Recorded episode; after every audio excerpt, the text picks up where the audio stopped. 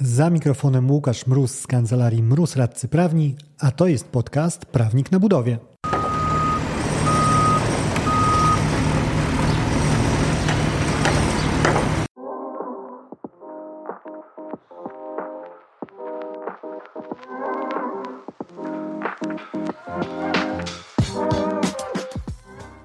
Czy brak waloryzacji kontraktów doprowadzi w obecnej sytuacji rynkowej do ich porzucania przez wykonawców? Takie pytanie postawiłem w ankiecie na swoim profilu na LinkedIn. Dostępne odpowiedzi? Tak, będzie tego sporo. Tak, ale nie w dużej skali. Nie, branża znowu wytrzyma. Głos oddało 368 osób, więc mamy całkiem pokaźną grupę do oceny. Jak odpowiadali ankietowani? 55% uznało, że dojdzie do wielu przypadków zerwania współpracy. 33% widzi takie ryzyko, ale nie w znacznej skali. 12% stoi na stanowisku, że porzucania kontraktów nie będzie, a branża poradzi sobie z obecną zawieruchą w realizacji robót. Część z osób, które zagłosowały w ankiecie, podzieliła się ze mną szerzej swoją opinią na temat ryzyka porzucania kontraktów. Jedną z nich usłyszysz w tym odcinku. Z tej strony mikrofonu Łukasz Mróz, a to jest podcast Prawnik na Budowie.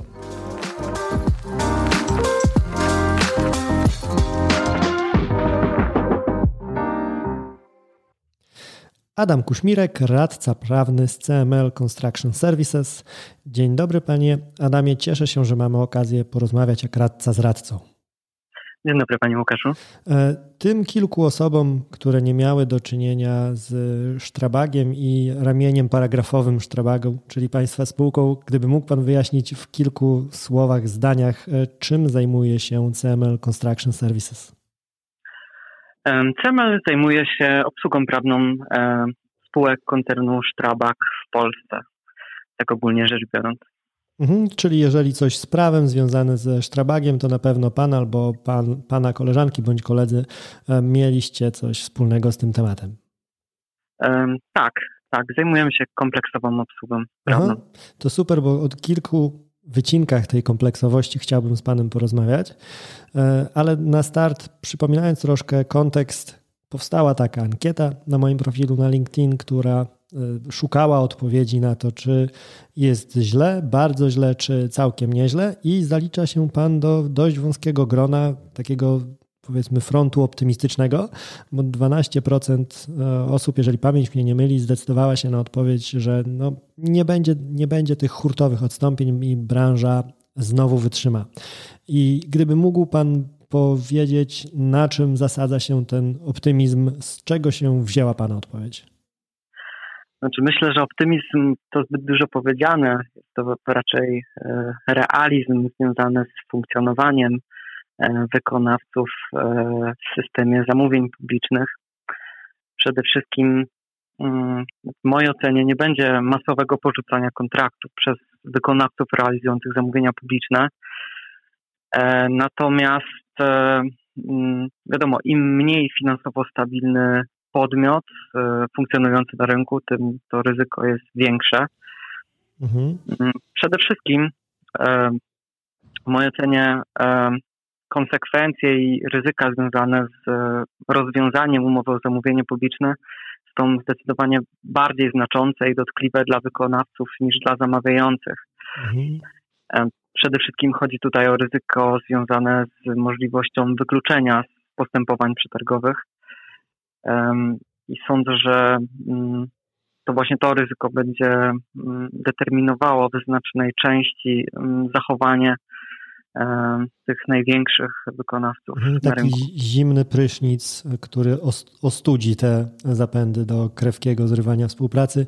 I nie jest Pan jedyny w tej, e, w tej ocenie, bo w identyczny sposób dos, dosłownie kilka dni temu rozmawiałem również w tej podcastowej formule z panem Kamilem Furmanem, który e, zawiaduje kwestiami prawnymi w Eurowi i właśnie też miał tą samą myśl i no, nie jest to też rzecz, która gdzieś nie jest świadoma, powiedzmy, na, e, na rynku. I też odnoszę wrażenie, że troszkę wykonawcy, szczególnie ci mniejsi, e, kiedy zaczynają iść w tym kierunku właśnie tych deklaracji, że jak bardzo my tej współpracy nie będziemy zrywali, to trochę jest to wyrzucane właśnie w kontekście takiego jakiegoś pierwszego szoku cenowego, powiedzmy, kiedy zaczynają się sypać budżety kontraktów, ale suma summarum tych gruźb też raczej oceniałbym, że wiele osób nie dowiezie nie dlatego, że e, nie chciałoby, ale dlatego, że to, o czym Pan mówił, czyli to, co może się ziścić po stronie wykonawcy,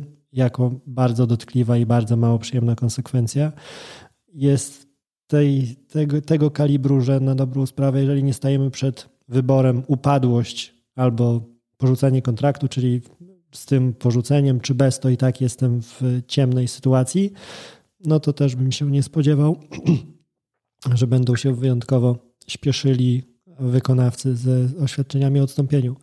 O codzienności troszkę tak. chciałbym z Panem też porozmawiać. E, o roszczeniach, przy czym nie, nie zamykajmy się na e, subklauzule filikowe i tak dalej, tylko bardziej myślę o tym jako całokształcie pieniędzy wykonawców tak naprawdę, bo dla nich to, to jest jednoznaczne, czy to będzie e, jakieś wynagrodzenie dodatkowe, czy to będzie odszkodowanie, czy może jakieś przedłużenie terminu, jakieś żądania od zamawiającego, od inwestora, tak to ujmijmy szeroko. I interesuje mnie Pana spojrzenie na pewną kwestię, bo mamy 24 lutego, następuje atak Rosji na Ukrainę, no i oczywiście zaczynają krążyć papiery w rytm piosenki Ludzie zejdźcie z drogi, bo listonosz jedzie. E, pan na pewno wysyłał swój przydział, ja swój przydział wysłałem e, i proszę powiedzieć, kiedy patrzy Pan na sytuację wzrostów, e, patrząc tak z boku, nawet obiektywnie na, na tę kwestię roszczeń, na ile na dobrą sprawę możemy mówić o takim samodzielnym, bezpośrednim wpływie skutków ataku wojny na Ukrainę, jeżeli chodzi o wzrosty kosztów obecne, a w jakim stopniu no, jest to przynajmniej częściowa kontynuacja tych ten, trendów wzrostowych, które obserwujemy od początku 2021 roku? Znaczy, z całą pewnością jest to kumulacja wszystkich tych czynników. E, jeśli chodzi o e, agresję rosyjską na Ukrainę, e, przede wszystkim no, konsekwencje będą odczuwalne w dostawie stali, dlatego że znaczna, znaczna część tutaj materiałów pochodzi z tego, z tego terenu.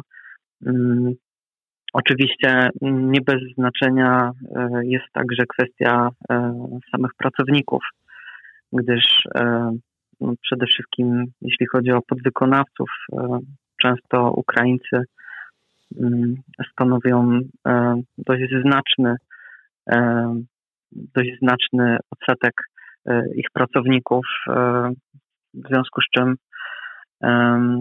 no, na pewno dostrzegamy takie przejściowe trudności, które, które są z tym związane. Mhm.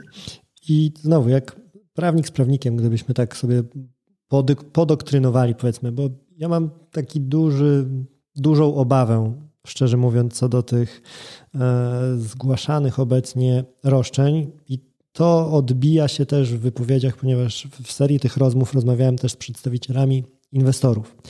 I oni z kolei mają taką refleksję i taką obawę, że wykorzystywana jest ta sytuacja na zamiecenie pod dywan tego wszystkiego złego, co na dobrą sprawę zadziało się już przed atakiem Rosji na Ukrainę. I też no, nie będę ukrywał, że zdarzyło mi się dostać w ręce papier, który sam odbierałem jako taką próbę wypchnięcia pod dywan problemów niezwiązanych zupełnie e, przyczynowo z, z tym atakiem, bo w pełni się z Panem zgadzam. Jeżeli chodzi na przykład o dostawy stali, to jest bardzo uchwytny wpływ. Pokazujemy wydłużenie terminu dostaw, e, no, w koszt powiedzmy nieco gorzej, no bo w jakim zakresie, wydzielić tak jeden do jednego, w jakim zakresie to jest efekt e, kontynuacji tendencji wzrostowych, a w jakim zakresie to jest efekt e, wojny w Ukrainie, no to nie jest łatwe zadanie. Też takim uchwytną rzeczą jest mm, wpisanie w to problemów kadrowych, o których Pan mówił, czyli e, problemu z pracownikami z Ukrainy. E, ale czy nie spotkał się Pan właśnie z takimi uwagami, czy, czy sam Pan pracując na, na co dzień, czy gdzieś tam w rozmowach, słysząc od e, kolegów, koleżanek po fachu, że zdarza się że o, ten, kto pisze o wpływie tej wojny na Ukrainie, to chyba troszkę zbyt szerokim nurtem idzie i nie do końca tak naprawdę Ukrainę ma na myśli. To znaczy, z naszej strony mogliśmy zaobserwować takie zachowania e, ze strony niektórych e, podwykonawców, przede wszystkim, e, przede wszystkim tych, którzy realizują roboty przy wykorzystaniu materiałów, które nie są, nie są raczej w jakiś taki bardziej bezpośredni sposób mm, dotknięte problemami z, związanymi z dostawami z zagranicą. Mhm. Natomiast no dostrzegamy taką, taką jakby mimo wszystko próbę podpięcia pod, pod tą sytuację przede wszystkim kwestii wzrostu cen paliw. Mhm. No natomiast oczywiście no, ta, ta sytuacja jakiś, jakiś wpływ e, na, na ten nagły wzrost e, ma, aczkolwiek na pewno nie wyłączny. Mhm, jasne. Fajny wątek pan poruszył paliwa. Bo znowu e, koszt ciężki, ważący dużo w, na, na całym budżecie projektu, e, ale też taki no, nie tak łatwy do przełożenia chyba jak chociażby koszt stali. E, proszę powiedzieć, jakie ma Pan przemyślenia co do tego, na ile z sukcesem można powiązać właśnie te paliwowe kwestie z wnioskami o to, żeby pieniądze wyższe znalazły się ze strony zleceniodawcy e, robót? To znaczy, no na pewno dostrzegam związek między wzrostami cen paliw a, sytuacją, którą mamy na Ukrainie. Na pewno, na pewno jeśli, jeśli chodzi o rynek dostaw, no przynajmniej w tym początkowym okresie, no był bardzo dostrzegalny zarówno sam wzrost cen, jak i, jak i dostępność tych paliw. E, w tym momencie, jeśli chodzi o możliwość e, dochodzenia związanych z tych kosztów, myślę, że dużo w tym momencie też zależy od samego takiego partnerskiego podejścia ze strony zamawiających którzy no, będą w stanie dostrzec e, mimo wszystko wpływ całej tej sytuacji i kumulacji e, tak naprawdę tych różnych, e, różnych czynników nieprzewidywalnych mimo wszystko w mojej ocenie na, na możliwość rzeczywiście zrealizowania kontraktu w sposób, w sposób rzetelny, terminowy, sposób, który umożliwi wykonawcy również nie poniesienie na nim straty, nie ze swojej winy. Mm, z tego względu, no, oczywiście, znaczy przede wszystkim wydaje mi się, że potrzebne mm, jest jakieś wypracowanie zmian systemowych, które umożliwią stronom przywrócenie równowagi ekonomicznej i, i jakiś równomierny rozkład e, szans i ryzyk e, związanych z realizacją zamówienia. Mm. Też wydaje mi się, momencie... że bez tego sobie nie poradzimy, bo ja szczerze mówiąc, patrząc teraz, pracując przy tych tematach szeroko rozumianej waloryzacji wynagrodzenia, e, to przyznam, że mam takie podejście, że na dobrą sprawę ciężko jest mówić o obecnej sytuacji ekonomicznej jako takim efekcie jednej składowej. E, że już tak na dobrą sprawę chyba trzeba mówić po prostu o pokłosiu e, gospodarczym sytuacji globalnej z ostatnich dwóch lat. I szczerze mówiąc, bez tego, jeżeli nie dostaniemy podkładki takiej ustawowej w postaci spec ustawy, o którą branża walczy, która wprost pozwoli zamawiającym na przyjmowanie, że e, na dobrą sprawę w 2021 już zaczęliśmy zbierać pokłosie COVID-u, jeżeli chodzi o wpływ na globalną gospodarkę. I tutaj można ująć rzeczy takie jak inflacja, czy wzrosty energii itd., tak itd. Tak e, I wrzucamy w to również jak najbardziej konsekwencje wynikające z e, wojny za naszą wschodnią granicą. E, to wydaje mi się, że niezwykle trudno będzie wykonawcom, bo ja obserwuję właśnie, tak jak Pan powiedział o mm, zgłoszeniach podwykonawców gdzie zdarza im się troszkę naciągać rzeczywistość, próbować i wpinać w segregator z, na, z nadrukiem Wojna w Ukrainie rzeczy, które no nie do końca pasują tak naprawdę do, do tej sytuacji, no to jeżeli nie będzie takiego zielonego światła dla elastyczności, no to obawiam się, że możemy mieć powtórkę z, z jakby sytuacji covidowej, gdzie mieliśmy ustawę covidową i e, okazało się, że rozbiła się ona w wielu przypadkach o to, że zamawiający domagał się, ale pokażcie mi konkretnie jeden do jednego liczby, w jaki sposób ten COVID wpłynął na wasze koszty. I to nie jest proste zadanie, szczególnie jeżeli ktoś nie ma e, zaplecza wsparcia takiego doradztwa szeroko rozumianego i finansowego, i ekonomicznego, i prawnego. Tak, tak. No, szczególnie, że ta e, sytuacja zmienia się bardzo dynamicznie, więc tak naprawdę trudno, trudne są do oszacowania te koszty, biorąc pod uwagę dłuższą perspektywę. Mhm. Wróćmy jeszcze do podwykonawców. E, bo jeżeli już mówimy o ryzyku porzuceń, no tak jak wspominałem, ja sprowadzam je szczerze mówiąc do, do sytuacji, gdzie e, nie zależy po prostu wykonawcy, bo już widzi, że wóz albo przewóz w jedną bądź w drugą stronę. E, I no, truizmem jest to, że te problemy, te domino, które może zacząć padać, to zaczyna padać od tych najmniejszych klocków, od najmniej stabilnych. Proszę powiedzieć, czy w Państwa pracy od momentu wybuchy, wybuchu wojny w Ukrainie e, musieliście Państwo jakby zintensyfikować swoją współpracę z podwykonawcami, czy w ogóle ten obszar pracy, żeby e, czuwać nad tym, e, czy inwestycje toczą się planowo, że wszystko jest realizowane zgodnie z harmonogramami i nie wysypie się to na, na pracy państwa podwykonawców, czy tutaj zmian większych nie ma na razie? Mm, to znaczy zmiany są dostrzegalne na pewno. No, w tym zakresie, nie ukrywam, też liczymy na możliwość jednak podejścia do, do aktualnej sytuacji przez zamawiających ze zrozumieniem i, i, i działaniem partnerskim z tym związanym. No, wiadomo, im, im mniejszy podmiot realizujący pracę, tym, tym tak naprawdę większe ryzyko. Mhm.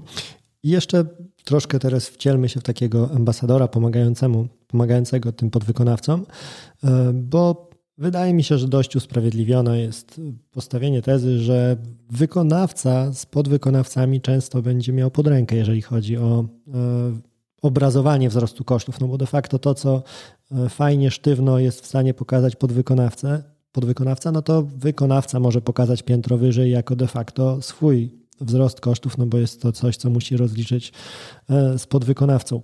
I gdyby miał Pan rzucić jakąś poradę albo nawet dwie mniej bądź bardziej ogólne e, co do podwykonawców, jeżeli właśnie chcieliby oni rzetelnie przygotować e, takie wykazanie realnego wzrostu swoich kosztów, które również później pan jako prawnik wykonawcy powiedzmy mógłby użyć, żeby ze swojej strony wypchnąć coś do zamawiającego i we wspólnym interesie pokazać, że słuchaj, mój podwykonawca cierpi finansowo, cierpię też ja, bo trzeba będzie zaraz dopłacać, w związku z tym chcielibyśmy, żebyś dosypał nam trochę do tego kontraktu.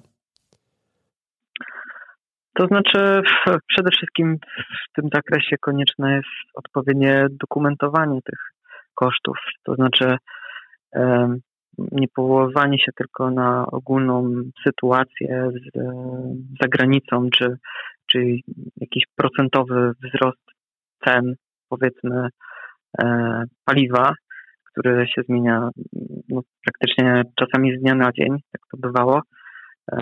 Tylko żeby pokazać no, mimo wszystko na przykładach, na przykładach e, asortymentów tych robót, czy, czy, czy okresach, kiedy, mm, kiedy podwykonawca rzeczywiście mm, kupuje, tak, na przykład e, określone materiały, czy,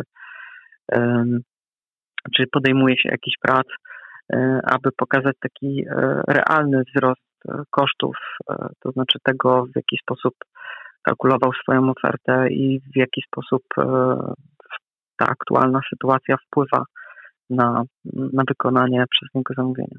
Mhm, tak, i tutaj wydaje mi się, że powinno wybrzmieć bardzo wyraźnie i z Pana strony, i z mojej, z każdej właściwie strony taki apel do podwykonawców, do tych firm też wykonawczych o mniejszym potencjale, mniejszej skali działania, że drodzy Państwo, to nie przejdzie jako taki ogólnikowy kwiatek pod tytułem wojna wybuchła, jest źle, podrzućcie nam x złotych. E, I nie ma co się obrażać na kontrahentów, którzy nie będą chcieli kupić takiej argumentacji, bo ona najzwyczajniej w świecie do kupienia się niestety nadawać nie będzie. I ostatnią rzecz tak. chciałem jeszcze Pana zapytać. E, o ostatnią sferę Pana pracy, bo tak jak Pan mówił, e, działacie przekrojowo jako CML, pomagając w działalności Strabag, o kontraktowanie podwykonawców. Jak tutaj, bo Przyjmę takie założenie, że zmiany są widoczne. E, ale jakie są Pana obserwacje co do tego, co zmieniło się, jeżeli chodzi o kontraktowanie po 24 lutego? To znaczy, mm, jeśli chodzi, jeśli chodzi o koncern Strabag, to przede wszystkim e, e, osoby odpowiedzialne za działalność operacyjną przede wszystkim zajmują się negocjacją e, umów podwykonawczych z podwykonawcami. E, więc e, myślę, że oni byliby więcej w stanie powiedzieć na temat takich. Jasne, przebiegu tych konkretnych negocjacji. Tak. Jasne, czyli do Państwa, jak rozumiem, to po prostu bardziej jest kwestia, jeżeli jest pomysł na jakieś nowe rozwiązanie kontraktowe, wprowadzenie do mm, ogólnych tak, warunków i tak, tak dalej. Tak, Jasne. Tak, tak. To znaczy my, my szczerze mówiąc korzystamy w znacznej mierze z, ze sprawdzonych podwykonawców, z którymi współpracujemy czasami od lat, więc, więc raczej staramy się partnersko podejść do sprawy. Mhm, tak, też wydaje mi się, że to jest taki czynnik bardzo stabilizujący obecną sytuację, że nie mamy poznawania się na placu budowy, takiego rozpoznania bojem, tylko e, działamy tam z ludźmi, z którymi już nie, nie jeden protokół odbioru mieliśmy okazję e, podpisać. To ułatwia pracę. Panie Adamie, dziękuję pięknie za poświęcony czas. Ponieważ rozmawiamy w Wielki Piątek, to mogę życzyć i chcę wręcz życzyć Panu wszystkiego co dobrego przy okazji świąt Wielkiej Nocy. Dziękuję i nawzajem. Do usłyszenia. Do usłyszenia. Dzięki za odsłuchanie tego odcinka. Jeżeli chcesz się ze mną skontaktować, możesz napisać na biuro małpa kancelariamroz.pl albo zadzwonić na 577 665 077. Znajdziesz mnie też w mediach społecznościowych. Na LinkedIn jako Łukasz Mróz, a na TikToku, Facebooku i Instagramie jako Prawnik na Budowie.